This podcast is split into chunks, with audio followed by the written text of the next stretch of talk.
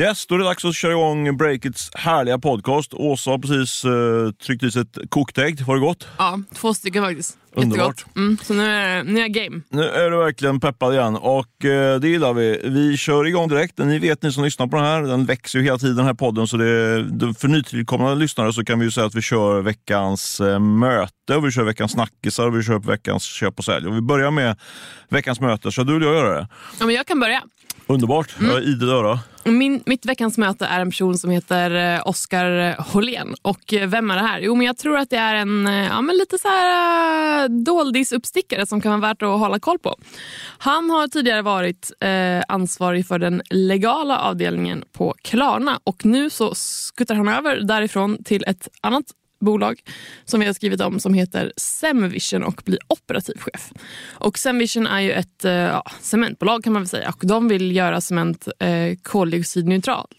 Mm. Um, och vi har skrivit en del om. Det har väl Bill Gates varit inne på? Om ja, men exakt. Ja. Och grundarna eh, Claes Kolberg och eh, Paul Sandberg backades i höstas av Bill Gates genom då Microsoft-grundarens eh, klimatorganisation Breakthrough Energy. Är det samma bolag alltså?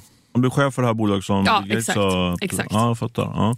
Eh, och eh, ja, eh, det här bolaget tidigare också backat av bland annat eh, Backing Minds där vi har Sara Wimkrantz Eh, rätt känd profil i våra kretsar.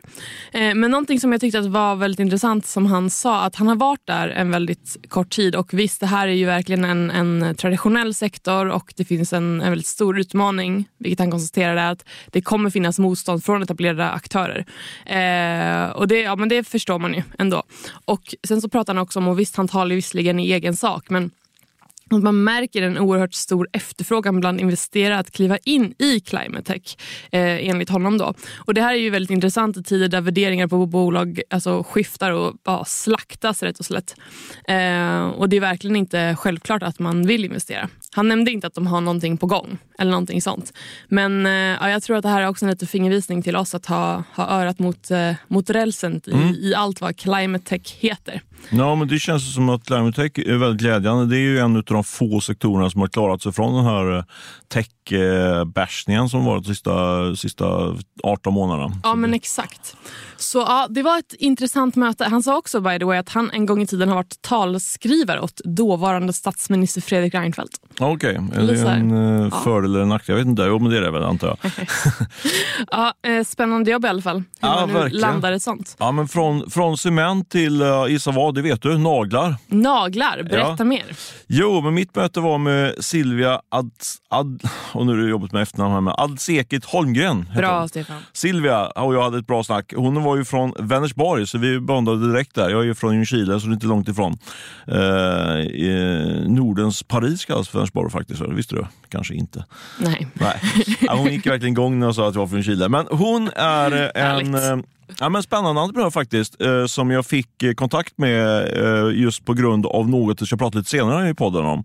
Men eh, hon ringde mig i ett ärende, men jag började faktiskt fråga ut henne vad hon höll på med. Och hon hade hoppat av ett eh, riktigt toppjobb inom hotellbranschen. Hon tröttnade lite grann i pandemin mm -hmm. och kände att det här ja. var liksom kanske inte någon framtidsbransch riktigt. Ja, nej, det är ju förståeligt. Jag vet inte, på sikt kanske det är bra med hotell, men hon, hon gjorde den analysen i alla fall. Men, och eh, drog igång då, gjorde liksom en analys på vad, vad, vad kan man dra någon annanstans. Och då identifierade de här nagelsalongerna. Jag är ju verkligen inte målgruppen där, men jag har ändå noterat att de här nagelsalongerna dyker upp i köpcenter och på stan och sådär, mm. eller hur? Det, ja, det växer liksom.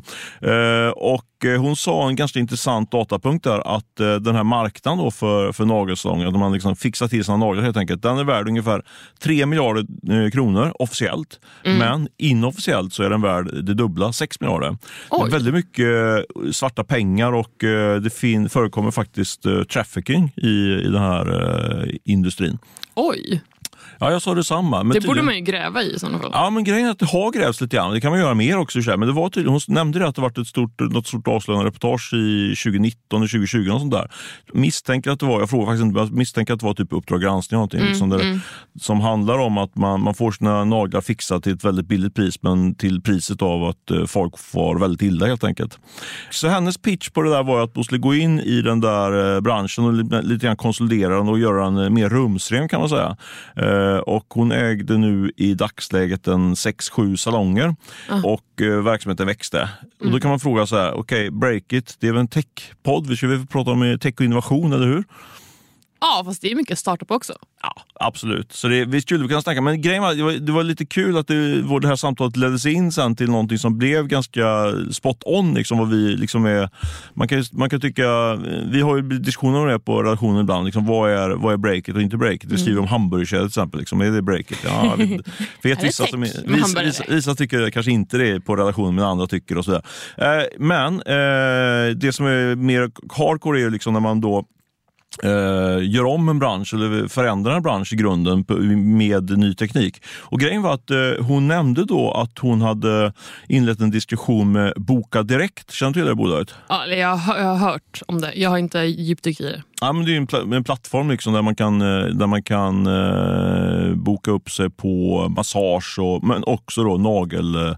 Manikyr heter Manikyr, man fixar naglarna. Ja, fixar naglarna och sådär. Liksom och grejen var att jag träffade eh, vdn för, eh, för Boka Direkt för i, början, i slutet förra veckan, Christian Fricke. Och han, de har fått in massa kapital från bland annat eh, VNV eh, som är ett börsnoterat investmentbolag som för övrigt kom med en dålig rapport nu på morgonen.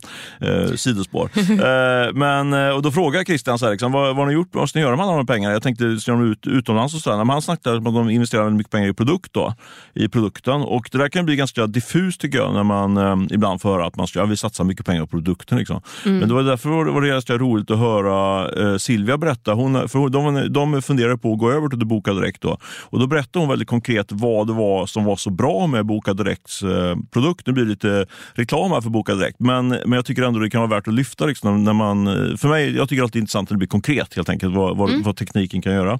Eh, så hon berätt, beskrev liksom att eh, genom deras dashboard eller liksom bokningssystem så kan, hon, kan man då följa vad, eh, helt enkelt vad i vad de olika salongerna, eh, vad, vad som säljs på de olika salongerna, vilken typ av eh, eh, och behandlingar som säljs. Mm. Och hon tog exempel på en måndag då kanske var populärt med en viss typ av behandling och då kunde man liksom styra över. Dels kunde man ju, eh, höja upp priserna på, på den typen av behandling. För av någon anledning så var folk mer sugna på att göra den behandlingen på måndagar som man inte visste innan. Liksom. Och man kunde också göra så att man eh, eh, försökte styra, man kunde styra flödena liksom till, eh, till eh, olika dagar beroende på med, med, med pris och, med, och andra också. Nu blir det lite svårt att, hon beskrev det mycket bättre här men det var liksom poängen är att man genom tekniken kan få överblick över sina flöden, kundflöden och även priser och eh, efterfrågan och på det sättet höja marginalerna och sälja mer helt enkelt. Det är ju grymt ju. Ja, och normalt sett använder man, tänker man väl bara att man uh, använder det här som ett vanligt bokningssystem, men liksom det är ett sätt att, att, att bygga, bygga sin affär helt enkelt. Så det tyckte jag var ett ganska tydligt exempel på hur liksom, tech och entreprenörskap kan förändra då en ganska traditionell bransch och vilket är väldigt positivt här, då, att man också kan få bort den här typen av avarter i, i branschen. För det här, de, de rensar ju upp lite grann. Det här blir, de by, håller på att bygga ett varumärke som är liksom mer seriöst på något sätt.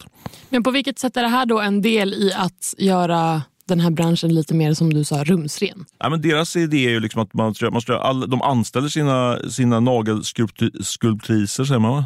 Tror jag. jag har ingen aning, men, ja, men fint de ord. Jobbar, de som jobbar med, med att fixa till naglarna istället för att många, annars jobbar de oftast på som inom citationstecken egna företagare vilket innebär att mm. de får väldigt dåligt betalt.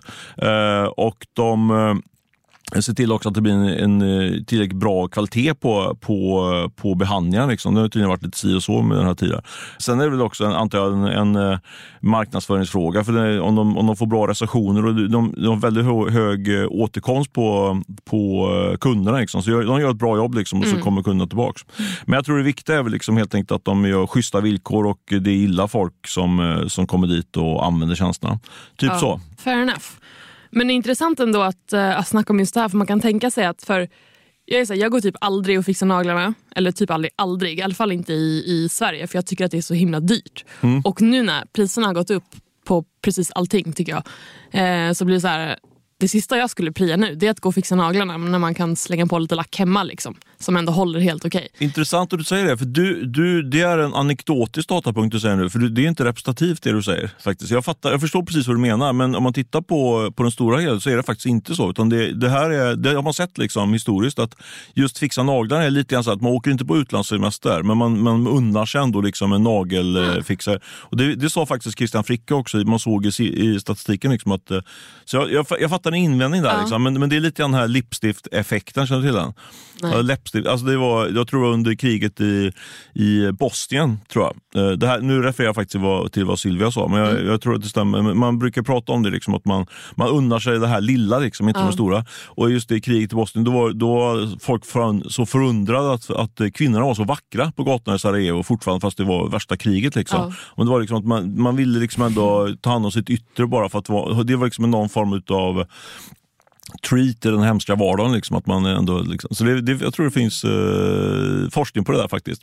Läppstiftseffekten. Så hon eh, pitchar ju det och hon visar också siffrorna att under, under hösten har de eh, fortsatt att växa, liksom, haft bra tillväxt. det. Otroligt. Ja. Det var det sista jag skulle gissat på faktiskt. Ja, det är så? Ja, Ja. precis. Anyway, jag kan få gå och kolla in då. Det kanske är värt att fixa naglar. Men det kostar typ så här tusen spänn eller någonting Ja, jag vet, så håller det en månad. Det är så här...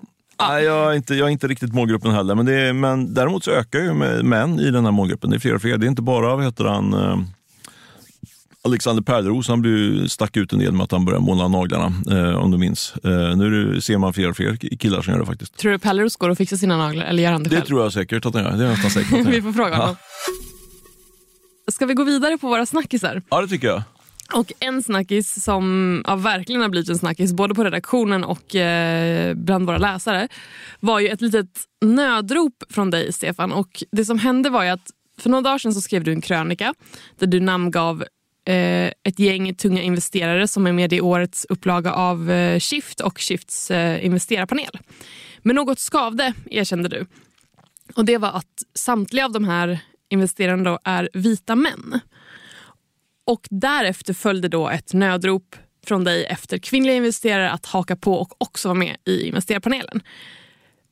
Hur, hur desperat var du när du skrev den här och hur har det gått? Ja, men jag var ganska desperat och sen ska jag vara helt ärlig, det ska vi försöka vara den här podden också. Det, det är ju, det här kanske inte är så smart om jag säger, men ändå, det var ändå lite så att det är bättre att förekomma än förekommas. Alltså det, alltså det är bättre att vi själva lyfter den problematiken än att, vi, än att någon annan högg oss i, i ryggen på det. Liksom, Ja. sådär. Så det var en orsak till det. En annan orsak var att jag, att jag tyckte att det var lite talande liksom, att, eh, att det var en, det var en bild av hur investerarlandskapet ser ut idag. Det är ju dominerat utav eh, män helt enkelt. Och det, bakgrunden till det är ju att det finns fler manliga entreprenörer som har lyckats och då finns det, finns det mer pengar helt enkelt. Har de tjänat mer pengar och därför finns det mer manliga investerare. En orsak. Så jag var ganska halvdesperat kan man säga när jag skrev. Jag hoppa, hade inte jättestora förhoppningar på att det skulle bli någonting men eh, ja, vad hände? Ja, vad har, eh, vad har den här krönikan fått för reaktioner och har du fått svar i ditt rop på hjälp? Ja, det har jag verkligen. Alltså det, det dök upp, eh, jag publicerade den här på, på morgonen, på måndag morgon och eh, det tog, jag drog knappt en timme till senare så var det första kvinnan som hörde av sig och, det, det, och, och ville vara med. Och Det är inte, liksom, det är inte bara så här, okej jag kan vara med och så ställer man upp med sin tid. Och det är ju sig vackert så, men det är ett ganska stort commitment för man, man skänker 150 000 kronor till Shift-projektet. Då. Ja, det är en vi, del vi nämnde att det var Shift va? Eller har vi sagt Ja, det? absolut. precis. Jag är så rörig i huvudet idag. De pengarna allokeras vidare sen då till entreprenörer i form av stipendium. Mm. Så jag menar, dels du in med 150 000, det kostar 150 000 kan man säga. Om Mm. man liksom håller. Och sen så committar du till att du ska vara med och investera ett par hundratusen till i, i ett bolag. Eh, och Sen så ska du också avsätta en del tid och sådär. Så det är ändå ett ganska stort commitment får man ändå säga. Ja, det är som det. kan- Men redan efter en knapp timme så var det en som hörde av sig och nu är det faktiskt eh, tre eh, så här långt, som, tre kvinnliga entreprenörer som har sagt att de, eh, de är på helt enkelt. Och eh, jag har faktiskt några krokar ute till. Så nu har vi i dagsläget, just nu när vi pratar nu så är det fem eh, män och eh, tre kvinnor som är på panelen. Så det är jättekul. Det är ju grymt ju. Det är Ja. helt otroligt egentligen. Ja, det är det. Och den här krönikan publicerades i Måndags morse måndags morse. Mm. Och nu, så bara det här, tre dagar tog det Mm. att få tre. Ja, egentligen tog det faktiskt bara ett dygn ungefär att få in de här tre. Sen, sen har du- de andra har vi, sitter och väntar. Så absolut, så det gick ju jättefort. Och det är lite intressant själv, bara hur man själv reagerar. Jag var ju så här, bara liksom, det här kommer absolut inte ge någonting, eh, tänkte jag när jag gjorde det. Eh, Kan man få en? Jag tänkte inte ens så, men när vi fick Nej. första var det bara, åh, jag har fått en. Liksom, sådär. Mm. Nu har man fått tre, nu är man liksom så här, ja, vi fick tre. Man, jag är sån, lite sån person. Ja. Man, men det är grymt verkligen, så det är jätteroligt, det måste jag säga. För det var ju också, fanns ju också en viss osäkerhet från min sida att vi hade då eh, eh, invester, fem, eh, investerare som precis täckte upp då för de här eh, stipendierna på totalt 900 000. Nu har vi lite backup också faktiskt, så det känns väldigt kul. Eh, Otroligt. och sen har det blivit väldigt mycket eh, jag har delat det här på eh, diverse kanaler, framförallt LinkedIn. Och så där. Jag har fått en väldigt mycket respons, eh, både positiv och negativ kan man säga. Ja. Men du, vi publicerade också en, eh, en text som var ett svar, ett mejlsvar som kom till dig från Julia Delin på Handels. Mm. Vill du nämna några rader om vad, vad var hennes kontenta med det här? Ja, men Julia är ju en riktig stjärna. Hon, hon kör ju Handels nya riskkapitalfond, så hon har ju verkligen koll Exakt. på det här och har ju ett grymt nätverk. Nej, men hennes... Det är alltid svårt att sammanfatta ett ganska långt brev och ni får gärna gå in. bästa är att gå in och läsa på breaket. Det är en öppen artikel så det är bara att läsa, läsa där. Eh, Så jag kommer nu inte fullt ut eh, göra henne till rätta här när jag, när jag refererar det. Men eh, poängen var väl att mot, mig då, det, det var ju liksom att, ja men Stefan, du måste ju ringa till, du kan inte bara ringa ditt gamla gubbiga nätverk. Nej. Utan du måste också titta bredare och verkligen lägga manken till och, och eh, få in lite andra eh, röster helt enkelt kan man säga. Så det var väl den kritiken, eller inte röster, kvinnor helt enkelt. Kvinnor. Mm. Så hon, eh, hon sågar mig kan man säga. Ja, alltså jag tyckte att hennes mejl var riktigt bra och jag tyckte att den var spot on. Ja. Och när jag, när jag läste den här krönikan, så du var inte där då. Eh, det var morgonredaktionen, jag satt där och jag läste. Och, Ja, min krönika då, eh, eller då? ja, Ja. precis. Din krönika. Eh, och jag började koka lite grann, det, ska ja. erkännas. Och det enda jag tänkte var så här: okej nu ska jag inte säga till Stefan, nu vi tar det i podden. Ja, jag minns att du, Eh, du reste, vi sitter ju mitt emot varandra, du reste Ja. på, upp från, eh, från skärmen och bara tittade mig in i ögonen och sa ja, det här ska vi prata om i podden, inte nu. Men jag sa att det var lite för undertryckt, eh, inte hat men irritation på något sätt. Liksom. Ja, men det, Så berätta nu, var, varför, varför blir du upprörd över min krönika? Ja, men så här, först och främst, jag tycker att det är grymt att du har fått in så, så tunga namn eh, investerare till Shift och jag tror att det här kommer bli en, en riktigt bra upplaga av, eh, av Shift. Eh, ser verkligen fram emot det här, det kommer bli jättespännande. However, i din krönika så skriver du att, att du har försökt att skapa en mindre homogen grupp bland eh, Shift-investerarna och det var ju det här, ah, nej, men det ska vara lite att det är endast vita män. Och du skrev att du hade haft ja, men det var, det var ett, ett gäng seriösa diskussioner med flera kvinnliga investerare men det var ingen som hade liksom Sju stycken tror jag. Sju stycken, Ja. exakt. Så det, det är ju det är bra jobbat, liksom, men det var ingen som hade sagt ja. Ehm, så du lyckades inte hela vägen och du själv kallade det för ett misslyckande. Men då blir jag lite så här...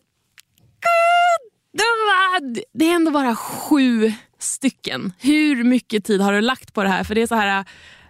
Att säga ja, men jag pratade med sju stycken, ingen sa ja, fine nu lägger jag mig. Liksom. Eller inte lägger dig, men, men att du, du sätter punkter. Du har ändå fem tunga namn redan.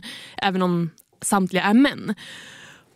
Och jag, jag tycker liksom inte riktigt att det är en ursäkt. För det är så återkommande man hör så ofta i, i näringslivet. Exempelvis så här, eh, ja, men säg att det är liksom en rekryteringsprocess och de, de alltså, kandidaterna, säg att det är, det är tre, fyra kandidater som är liksom, okej, någon av de här kommer få anställningen. Och sen råkar alla vara män och ställer man frågan hur kommer det sig att alla män, ja, men vi hittade inga kvinnor. Nej men då får ni väl leta lite mer. Typ. Sen säger inte jag att, att, att de männen inte är kvalificerade, det är inte det som är poängen. Men just det här att, att om det verkligen är så här, nej men nu vill vi ha kandidater där hälften män, hälften är kvinnor. Då letar man tills man hittar. F- Ska jag svara? Svara på. Ja. Nej, men eh, så kan man absolut säga. Men jag hävdar ändå att Ehm, det finns eh, en begränsning i form av eh, resurser för mig. Jag, alltså, jag har liksom inte... Jag la, du frågade hur länge jag höll på på det. Jag tror att jag satte två heldagar och eh, ringde in. för att vara supertransparent här då, så drog jag faktiskt ut eh, mejl till alla de tidigare investerarna i panelen. Och det var, där var en hygglig blandning. Hygglig blandning. Och eh, det var helt tyst. Det var en tror jag som svarade. Eh, Så då, då fick jag lite panik faktiskt. För jag hade ju räknat, det var ganska lätt att få in eh, eh, investerare till den panelen. Men just i och med att det blev plötsligt man press, eh, chippade in 150 000, liksom, det är ändå ganska mycket pengar. Och så, det var för, så det var en del som tyckte det var för mycket pengar tror jag. Sådär. jag fick, och då fick jag lite panik för då hade jag normalt sett eh, då hade jag liksom, eh, fixat också partners det här. Vi skulle rulla, ja, du vet, allt, skulle, allt var riggat och Ja. klart. Det saknas bara investerare. Och eh, min tid var knapp helt enkelt. Så då satt jag med och det var när vi var i Göteborg faktiskt, gjorde det här mm. ut på Scale Up Day. Då satt jag där i, i en ehm, i en skrubb och eh, tokringde eh, till, eh, till olika investerare. Eh, och Eh, då eh, hade jag då som sagt diskussioner, vi höll på två dagar med det där. Och sen så rullade in då eh, till sist de här fem manliga investerarna och det var inte helt enkelt kan jag säga. Det var, det, det, det, var lite svettigt helt enkelt. Men, och sen så hade jag alla de här kvinnliga investerarna på kroken men de drogs ut en, en efter en drogs ur då, liksom, med, med laga förfall. Liksom. Det var inte så att man kunde, det är helt okej att man inte var med. Och då, då kom jag till ett läge att okej, när jag har kört stenhårt i två dagar och jag har tusen andra saker att göra som entreprenör på Breakit. Så då satte jag punkt helt enkelt. Då kände jag att jag hinner inte, jag hinner inte helt enkelt mer. Så det, är- det är det krassa svaret. att eh, Jag förstår din invändning på en mer så här makronivå. Liksom, att ja, men absolut, det, det är ju bara att ringa mer. Liksom. Men nej, jag hann inte. Jag, det, är det, det är det korta, korta svaret. Men du är ju så himla bra på, och det har du sagt till mig någon gång också, ja. delegera. Har du massa grejer att göra, delegera, ge ut dem till andra. Mm. Det är inte, jag råkar inte vara i en position till att göra det, jag är ju eh, blott en enkel reporter. Mm. Eh, men du är ändå ägare, du har drivit Shift, nu har du, nu har du några fler som, som håller på och, eh, och Ja, men fixar fair, allting. men där. det- det kan- så, här, så två dagar. Alltså, visst, ja, det, jag förstår att det är mycket jobb och Ja. det måste ta massor av energi och man måste Ja. vara så himla pepp och engagerad och så vidare. och så vidare. Och Det är klart Ja. att man blir, man blir tömd på mindre. Liksom. Men jag säger så här, du är så himla ambitiös, du är så sjukt bra på det du gör. Ja, men du, du är verkligen en himla klippa Stefan. Så hade du verkligen verkligen varit så här, vi måste ha minst exempelvis två kvinnor i det här. Då hade du fixat det tror jag. 100%, eller inte tror, jag vet det. Eh, Nej, men alltså, så här, hade det varit mina barns liv som stått på spel så hade jag ju löst det. Absolut. Men, Mm. eh, ja, men jag, det, jag måste ändå framhärda att det är liksom, jag var ju faktiskt på väg att lite grann gå in i väggen här i, förra, i våras. Då. Eh, så jag måste ändå vara, passa mig lite grann. Liksom. För man gör ofta så här, du vet, ja, men vi, ja, men vi, man gör ett race till, man gör ett race och sådär. Liksom, Ja. så, här. så man, man pushar sig mot, ja, men det, det här är ju bara, man kan ju tycka att det är dåligt så här, men det, ja, jag står, jag står ändå på mig det att säga att, liksom, att jag, jag gjorde eh, mer än good enough liksom, och fick in det där. Och sen så nu lyckas jag då få in de andra, så vilka jag är supernöjd med. Liksom, sådär.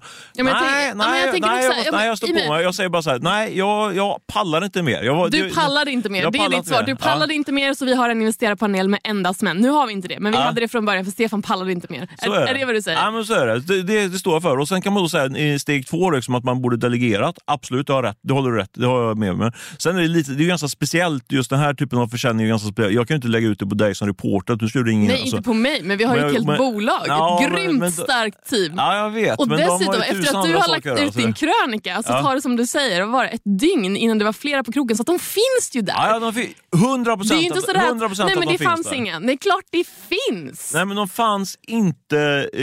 I din telefonbok. I, jo det fanns men det de visst precis, Nej, men det, var precis nej, det som nej, Julia Delin nej, ja, skrev också, så här, fundera i vilken pool man letar Ja, i. men jag måste också säga det. Att, eh, jag, i- grejen är så här, jag hann ju inte ens igenom hela min telefonbok innan de här två... För jag, jag pallar inte längre. Det var, nu har jag fått in fem och det, jag, hin, jag orkar inte mer längre. Det är, så enkelt är det och eh, det står jag för. Men, eh, men självklart skulle man kunna hitta andra lösningar på det. Men eh, jag, jag som per, person eh, orkar inte längre än så. Det, det, det, och det står jag för. Om du förstår liksom, distinktionen där. Sen kan man tycka liksom att det, det är någon form av strukturellt fel att man men jag personligen pallar inte mer.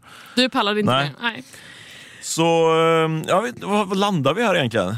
Agree to disagree, kanske. Ja, jag tycker i alla fall att eh, det är grymt att du fick in de, eh, de investerarna du fick, eh, även om samtliga var män. Plus att nu är det flera kvinnor med också, så att nu är det ännu bättre.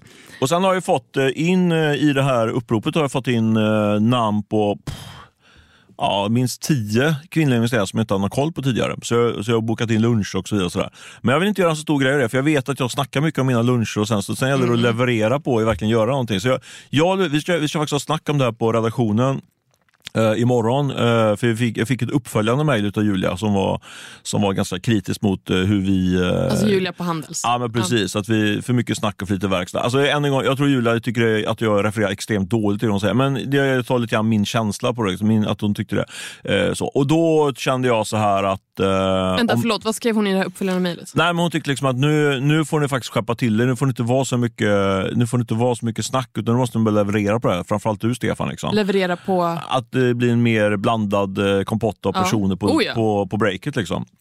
Och då kände jag faktiskt personligen att eh, jag håller med dig, eh, men jag personligen kan, jag kan absolut försöka göra mer, men jag tror att det är minst lika mycket du, Åsa, och andra på redaktionen som, ska, som dra, får dra sitt strå till Apropå lite grann för att uh, knyta ihop säcken, då, liksom, att man, man ska delegera ansvaret. Liksom, sådär. För jag, mm.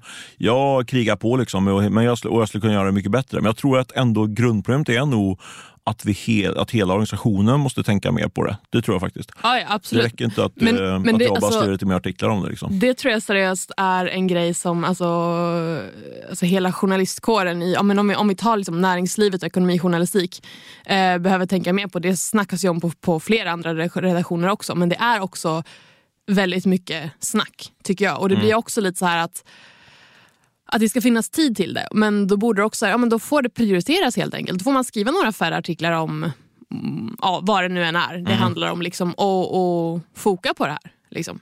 Så är det verkligen. Det tycker jag absolut vi ska göra. Sen uh, kan vi ha en uh, längre diskussion om hur, hur det ser ut på breaket uh, egentligen. Liksom så här. Jag tycker ändå vi har en... Jag håller inte riktigt med Julia. Alltså, jag tycker ändå att vi har... Men, och jag ska inte gå, liksom, gå ut hela vägen där, men alltså, jag tycker ändå att vi har en hyggligt bra representation på breaket. Det är inte, det är inte katastrof liksom. men allt kan bli bättre. Liksom. Vi jobbar på det. Ska vi gå vidare så vi hinner med resten vad vi vill eh, prata om i ja, det, det här avsnittet? Och som vanligt, eh, alltid mejla och reagera på det här samtalet. Stefan breakit.se eller podcast breakit.se. Yes, och mig når ni direkt på asa.breakit.se. Mejla, mejla, mejla. Men först, nästa snackis. Och eh, Stefan, du vill ju snacka om hemliga räddningssanktioner. Vad Nej, inte sanktioner. Om? Aktioner. Aktioner. nu, nu gick det snabbt där. Ja, men det vill jag verkligen. Eh, jag tycker det är, lätt, eh, det är alltid kul när man kan sätta rubriken hemliga. Det brukar klicka väldigt bra. Eh, sen gäller det att leverera på att det verkligen är hemligt. Jo, men så är det. Jag, ja. jag, men, det, men jag skulle ändå vilja, vilja hävda att de är lite hemliga på ett sätt. För vi har ju noterat att, en, att vi har fått en rad så kallade bryggrundor. Vi kanske ska börja med att förklara vad bryggrundor är för något. Vet du vad det är för något? Killgissningen coming up. Bryggrundor är en runda som... Mm, Finansieringsrunda måste du säga. Alltså finansiering. Ja, precis. Ja. En finansieringsrunda som ett bolag tar in när det kanske behövs bara för att kunna överleva till nästa steg man har tänkt ta. Mm, det är liksom en brygga över till en större finansieringsrunda kan man säga. Därför heter okay. det bryggar och så. Ja men ett halvt rätt. Ja, nej, helt rätt. Helt nej, rätt. Nej, men då är inne, det, är ju, det är det det handlar om. Amazing. Uh, det här har vi då sett att det dykt upp mer och mer i flödet eh, för oss, den här typen av bryggrunder. Men det som är intressant med den här typen av bryggrunder är att uh, normalt då, ganska, i, i, i det vanliga liksom break it artikel pitch caset, liksom, då hör ju bolagen av sig och säger nu har vi plockat in x miljoner i kapital, vill ni skriva om det här? Och så mm. blir det en, liksom en rolig eh, artikel på Breakit. Kanske en av de artiklarna jag tycker inte sämst om, men det är ganska tjatigt på Breakit. Måste jag säga. Vi har tagit in X, vi har tagit in Y och så vidare. Vi får ganska mycket kritik yep. för det. Men det är ändå bra, det är relevant eh, information som ska ut liksom, till er som lyssnar och läser. Men det som vi märker nu då, det är att man lite grann har smugit ut dem i hemlighet då, för att eh, anknyta till rubriken. Ja. Eh, det är nämligen så att vi, vi själva då har Eh, snokat upp att eh, de, de här bolagen, ett, en rad bolag har gjort eh, eh, nyemissioner då, utan att ringa breaket. Det är ju hemskt. Jag måste ringa breaket så fort man ju, det händer någonting. Yeah. Ja, nej, men, eh, och då, när man tittar närmare på den här nyemissionen så ser man att det är typ klassiska såna här bryggrunder. Eh, senast igår, tror jag, eller förrgår, så fick jag reda på att Fishbrain, som är den här fiskappen, de har gjort en sån bryggrunda. Mm. Vi har skrivit om Insurello, Vessla, Coloril, Zoo.se. Det är mm. en hel, hel hög faktiskt ja. med, med, med, bolag. Och Kännetecknet är då att, liksom, att det handlar inte om att man går ut med någon pressmeddelande meddelande och oftast är det också då bara de existerande ägarna som är med. Mm. Och framförallt också så är det en ganska, eh, till och från ganska brutal utspädning då som eh, eh entreprenören eh, i bolaget råkar ut för. För där, ofta är det så att man som entreprenör inte har råd. Alltså planen, plan A, är liksom, A, B och C det är liksom att man ska ta in eh, nytt kapital externt till en betydligt högre värdering och då mm. får man, blir man inte så, ut, så utspädd som entreprenör. Nej. Men i det här fallet så är det ofta så att man gör, tar in eh, kapital till kanske den befintliga värderingen eller i värsta fall en betydligt lägre värdering. Vilket gör att man får mycket mindre, man blir utspädd då om man inte går in mer än där rundan. Eh, vilket innebär att man får en mindre andel av sitt företag helt enkelt. Man, man, eh, så man blir en förlorare där utifrån eh, entreprenörsperspektivet. Då. Okay. Ja, men du, då kanske en självklar fråga, men varför smyger man, man liksom ut att man har gjort en nyemission? Eller? Man säger ingenting alls. Liksom. Why the tipsowing? Liksom? Ja, men det, är, det är ju liksom någon form av svaghetstecken då. Eh, att man, att man istället för att göra den här nya stora grandiosa externa rundan där man får till en hög värdering ja. och eh, är liksom offensiv så är det här en ganska defensiv sak. Det, man kanske är tvingad helt enkelt plocka in eh, lite mindre kapital bara för att hålla sig flytande. Ja. Eh, och, men det är väl bättre än alternativet? Eh, du menar inte att bara stänga ner liksom? Ja. Ja men så är det. Så det är ju liksom eh, halv... Men eh, jo, så, absolut. Så är det. Så det, det men så visst, en del, i vissa lägen är det väl så att de externa investerarna inte ens vill gå in med kapital. Men det är ändå en mycket sämre variant än att man plockar in kapital till, till en högre värdering. Så det, det handlar om någon form av eh, övervintring och man vill då liksom, eh, få längre, som, som vi pratade om, den här run-raten. Då. Eller vänta nu, run, säger man run rate? Runway. Runway är det, precis. Har lärt mig de engelska uttrycken. Alltså hur länge pengar räcker. Eh, så man, får liksom, man köper sig tid kan man säga och kan då återkomma till, till marknaden och få göra en, eh, en större runda. Mm. Men inga, inga, vad säger man, inga regler utan undantag. Det finns också eh, företag som som faktiskt visst går ut och flaggar för dem och gör en, någon form av bryggrunda. Vi hade faktiskt exempel på det igår. Eh, Dryft, känner du till det bolaget? Nej, ska erkännas. Ja, men de, det är ju någon form av eh, eh, digital eh, byggtjänst kan man säga. Det, det, I grunden handlar det om det är ett bygg, eh, byggbolag kan man säga, men, eller hantverksbolag. Då, men de har, har en del eh, liksom så digitala inslag i sin modell. kan man säga. Eh, de eh, mm, hörde av sig och eh, sa att de har tagit in kapital, men de hade ju tänkt ta in 100 miljoner men fick nu in betydligt mindre pengar och ändå så hörde de av sig till, till oss Break och vi skrev en artikel om det där. Och där, I det fallet skulle jag säga att eh, de använder eh, Break lite grann som en reklamplats. För då visar man, eh, de fick, vi hade en diskussion internt om det där. Jag tyckte att rubriken blev alldeles för, eh, för eh, positiv. Rubriken var Dryft laddar om, ska bli ledande på miljardmarknaden. Och sen ett citat, ett supercase. Det känns som en, eh, ja, det känns rätt positivt. Eller? Ja, det känns också lite, förlåt, men det känns också lite som en Reklamartikel. Betald annons. Sorry men... inga, inga namn som låg bakom den artikeln, för jag ska inte hänga ut. Men jag, jag reagerade lite grann på det där och eh, tyckte att eh, det där blev alldeles för positivt. För caset här är ju att Dryft, eh, vi vet att de har varit ute i marknaden försökt ta in kapital, mycket mer kapital, men har misslyckats och har istället fått in lite mindre kapital. Och det framgick ju i artikeln. Så ja, vi, vi rubbar om den där artikeln och det, som handlar mer om att de fick tänka om. Liksom och sådär. Så det mm. finns lite olika mm. strategier på det här när man, när man tvingas göra den här typen av bryggrundor. Då. Men du, du nämnde ett, ett, eller ett par, en rad bolag som har gjort sådana här rundor. Hur tror du att eh, vi kommer se fler av, av den här typen av rundor under våren? Hundra procent. Det, det, sker ju hela tiden. Liksom. Så det, är, det är en tydlig trend på marknaden nu att man, eh, att man plockar in eh, lite grann kapital. Så att säga. En annan trend är att man gör eh, så konvertibler. Eh, vi har ju pratat om tidigare tror jag, att, man, att, man, eh, att de existerande ägarna eh, går in med ett konvertibellån och då får man också den uppsidan som investerar, att man i den rundan som kanske kommer göras då om ett år eller ett och ett halvt år, då är man garanterad att få en rejäl rabatt på den. Eh, mm. Det är ett nytt fenomen. Liksom. Så det är allting, egentligen alla de här grejerna är ju, är ju en del i det här eh, makt, hur maktbalansen mellan investerare och entreprenörer har eh, förskjutits liksom, mm. till investerarnas fördel. Då. Så det kommer vi absolut få se mer om på, både på breaket och i hemlighet. Då. På break och i hemlighet. ja. Och i podden ja, såklart. Verkligen. Jag tycker vi rullar vidare till köp och sälj. Jag kan eh, bränna av min sälj eh, direkt. Här. Vi fick ju, respons, fick ju respons från uh, Gordon Deliveries medgrundare som jag inte minns namnet på. Kommer du ihåg? Nope, okej. Eh, vi fick från en tung investerare, eller tung entreprenör kallar vi då.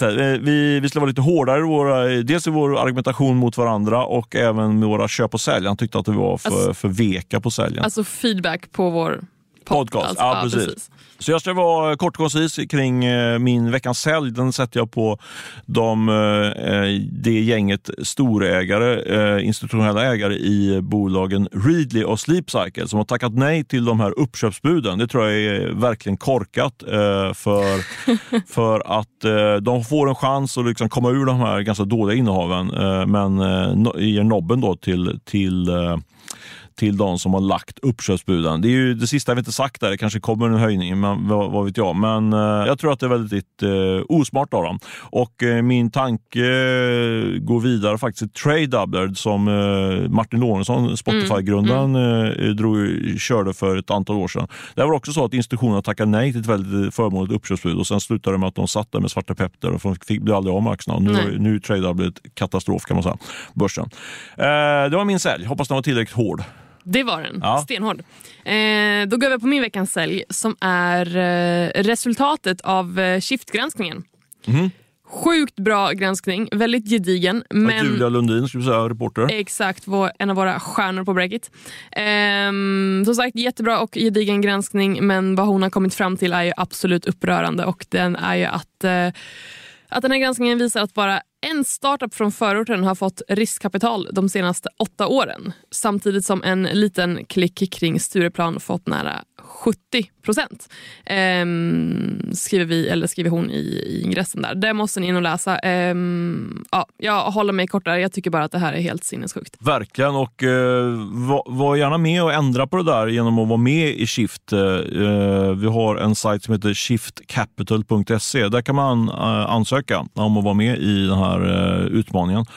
Eh, Jag snackade med vår klippare här innan, eh, innan vi drog igång. Här. Jag tror att det är, I och med att vi har nio stipendier här på 100 000, jag tror att det är svår, alltså möjligt, om man har en bra idé så är det eh, svårt att hitta andra initiativ där man har större chans att dra hem de här 100 000. Så det, in och kolla på det, shiftcapital.se. Eh, du, jag har en veckans köp också som jag sätter på, vi är väldigt internt på, på idag. Vi, Ja, väldigt mycket breakit här. Ja, och det blir, nu sätter vi sätter jag köp på Johanna Friberg som är vår eh, eventchef. Wow, stjärnan. Ja men verkligen. Eh, nämligen så att hon har varit, varit gärna bakom ett helt nytt event som vi släpper som heter Funding Day. Och Det är ett event som jag själv eh, verkligen brinner för. Det handlar ju mycket om det vi har snackat om i podden, om det här med att eh, det är svårt att få in kapital och eh, fler och fler eh, söker sig mot lånefinansiering.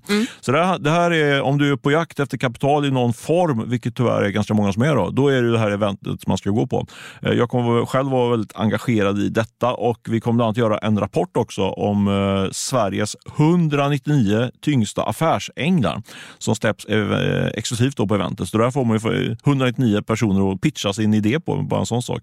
Bara en sån sak. Hur många kvinnor finns på den listan? Eh, det vet jag inte än. Det är, det är inte jag som gör den listan. Så det, men det, jag skulle gissa, om jag skulle skjuta från höften, tror jag att det är ungefär eh, 15 procent kvinnor. Jag tror 15 procent, är det Ja.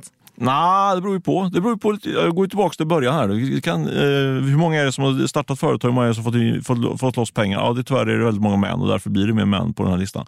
Men gradvis kommer det bli fler och fler kvinnor. It better. Ja, det faktiskt varit rusning till de här biljetterna redan och eh, trots att vi faktiskt inte släppt en enda talare, men jag kan lova att det kommer bli riktigt tungt, eh, en tung line-up och eh, kostar 1999 kronor eh, plus moms och det är ju väldigt lite pengar om man nu tänker sig ta in kapital. Det är ju liksom eh, försumbart. Så in på Breakit, eh, klicka in på breakit.se event så hittar ni mer information. Ni kan också dra ett mejl till stefan breakit.se så lotsar jag rätt. Eh, det var veckans riktigt tunga köp. Vad har du någon köp, köpsignal att leverera också? Oh ja. På en person som heter Frida Jonsson och eh, en annan person som heter Emily Holsten. De har grundat eh, Ella, ett bolag, också har varit med i Shift. Gud vad mycket Breakit och Shift blir, men i alla fall. Ella då, det är en digital vårdtjänst som vill komplettera både mödravården och eh, eftervården, alltså vård för kvinnor eh, efter eh, förlossning. Och de har tagit in en ny styrelseordförande nyligen, en tung, tung techprofil. Eh, Maria Hedengren, tidigare vd på börsnoterade Readly. Hon har också varit toppchef på eh, fintechbolaget bolaget Settle tidigare. Nu måste jag vara taskig. Halvtung, så att säga.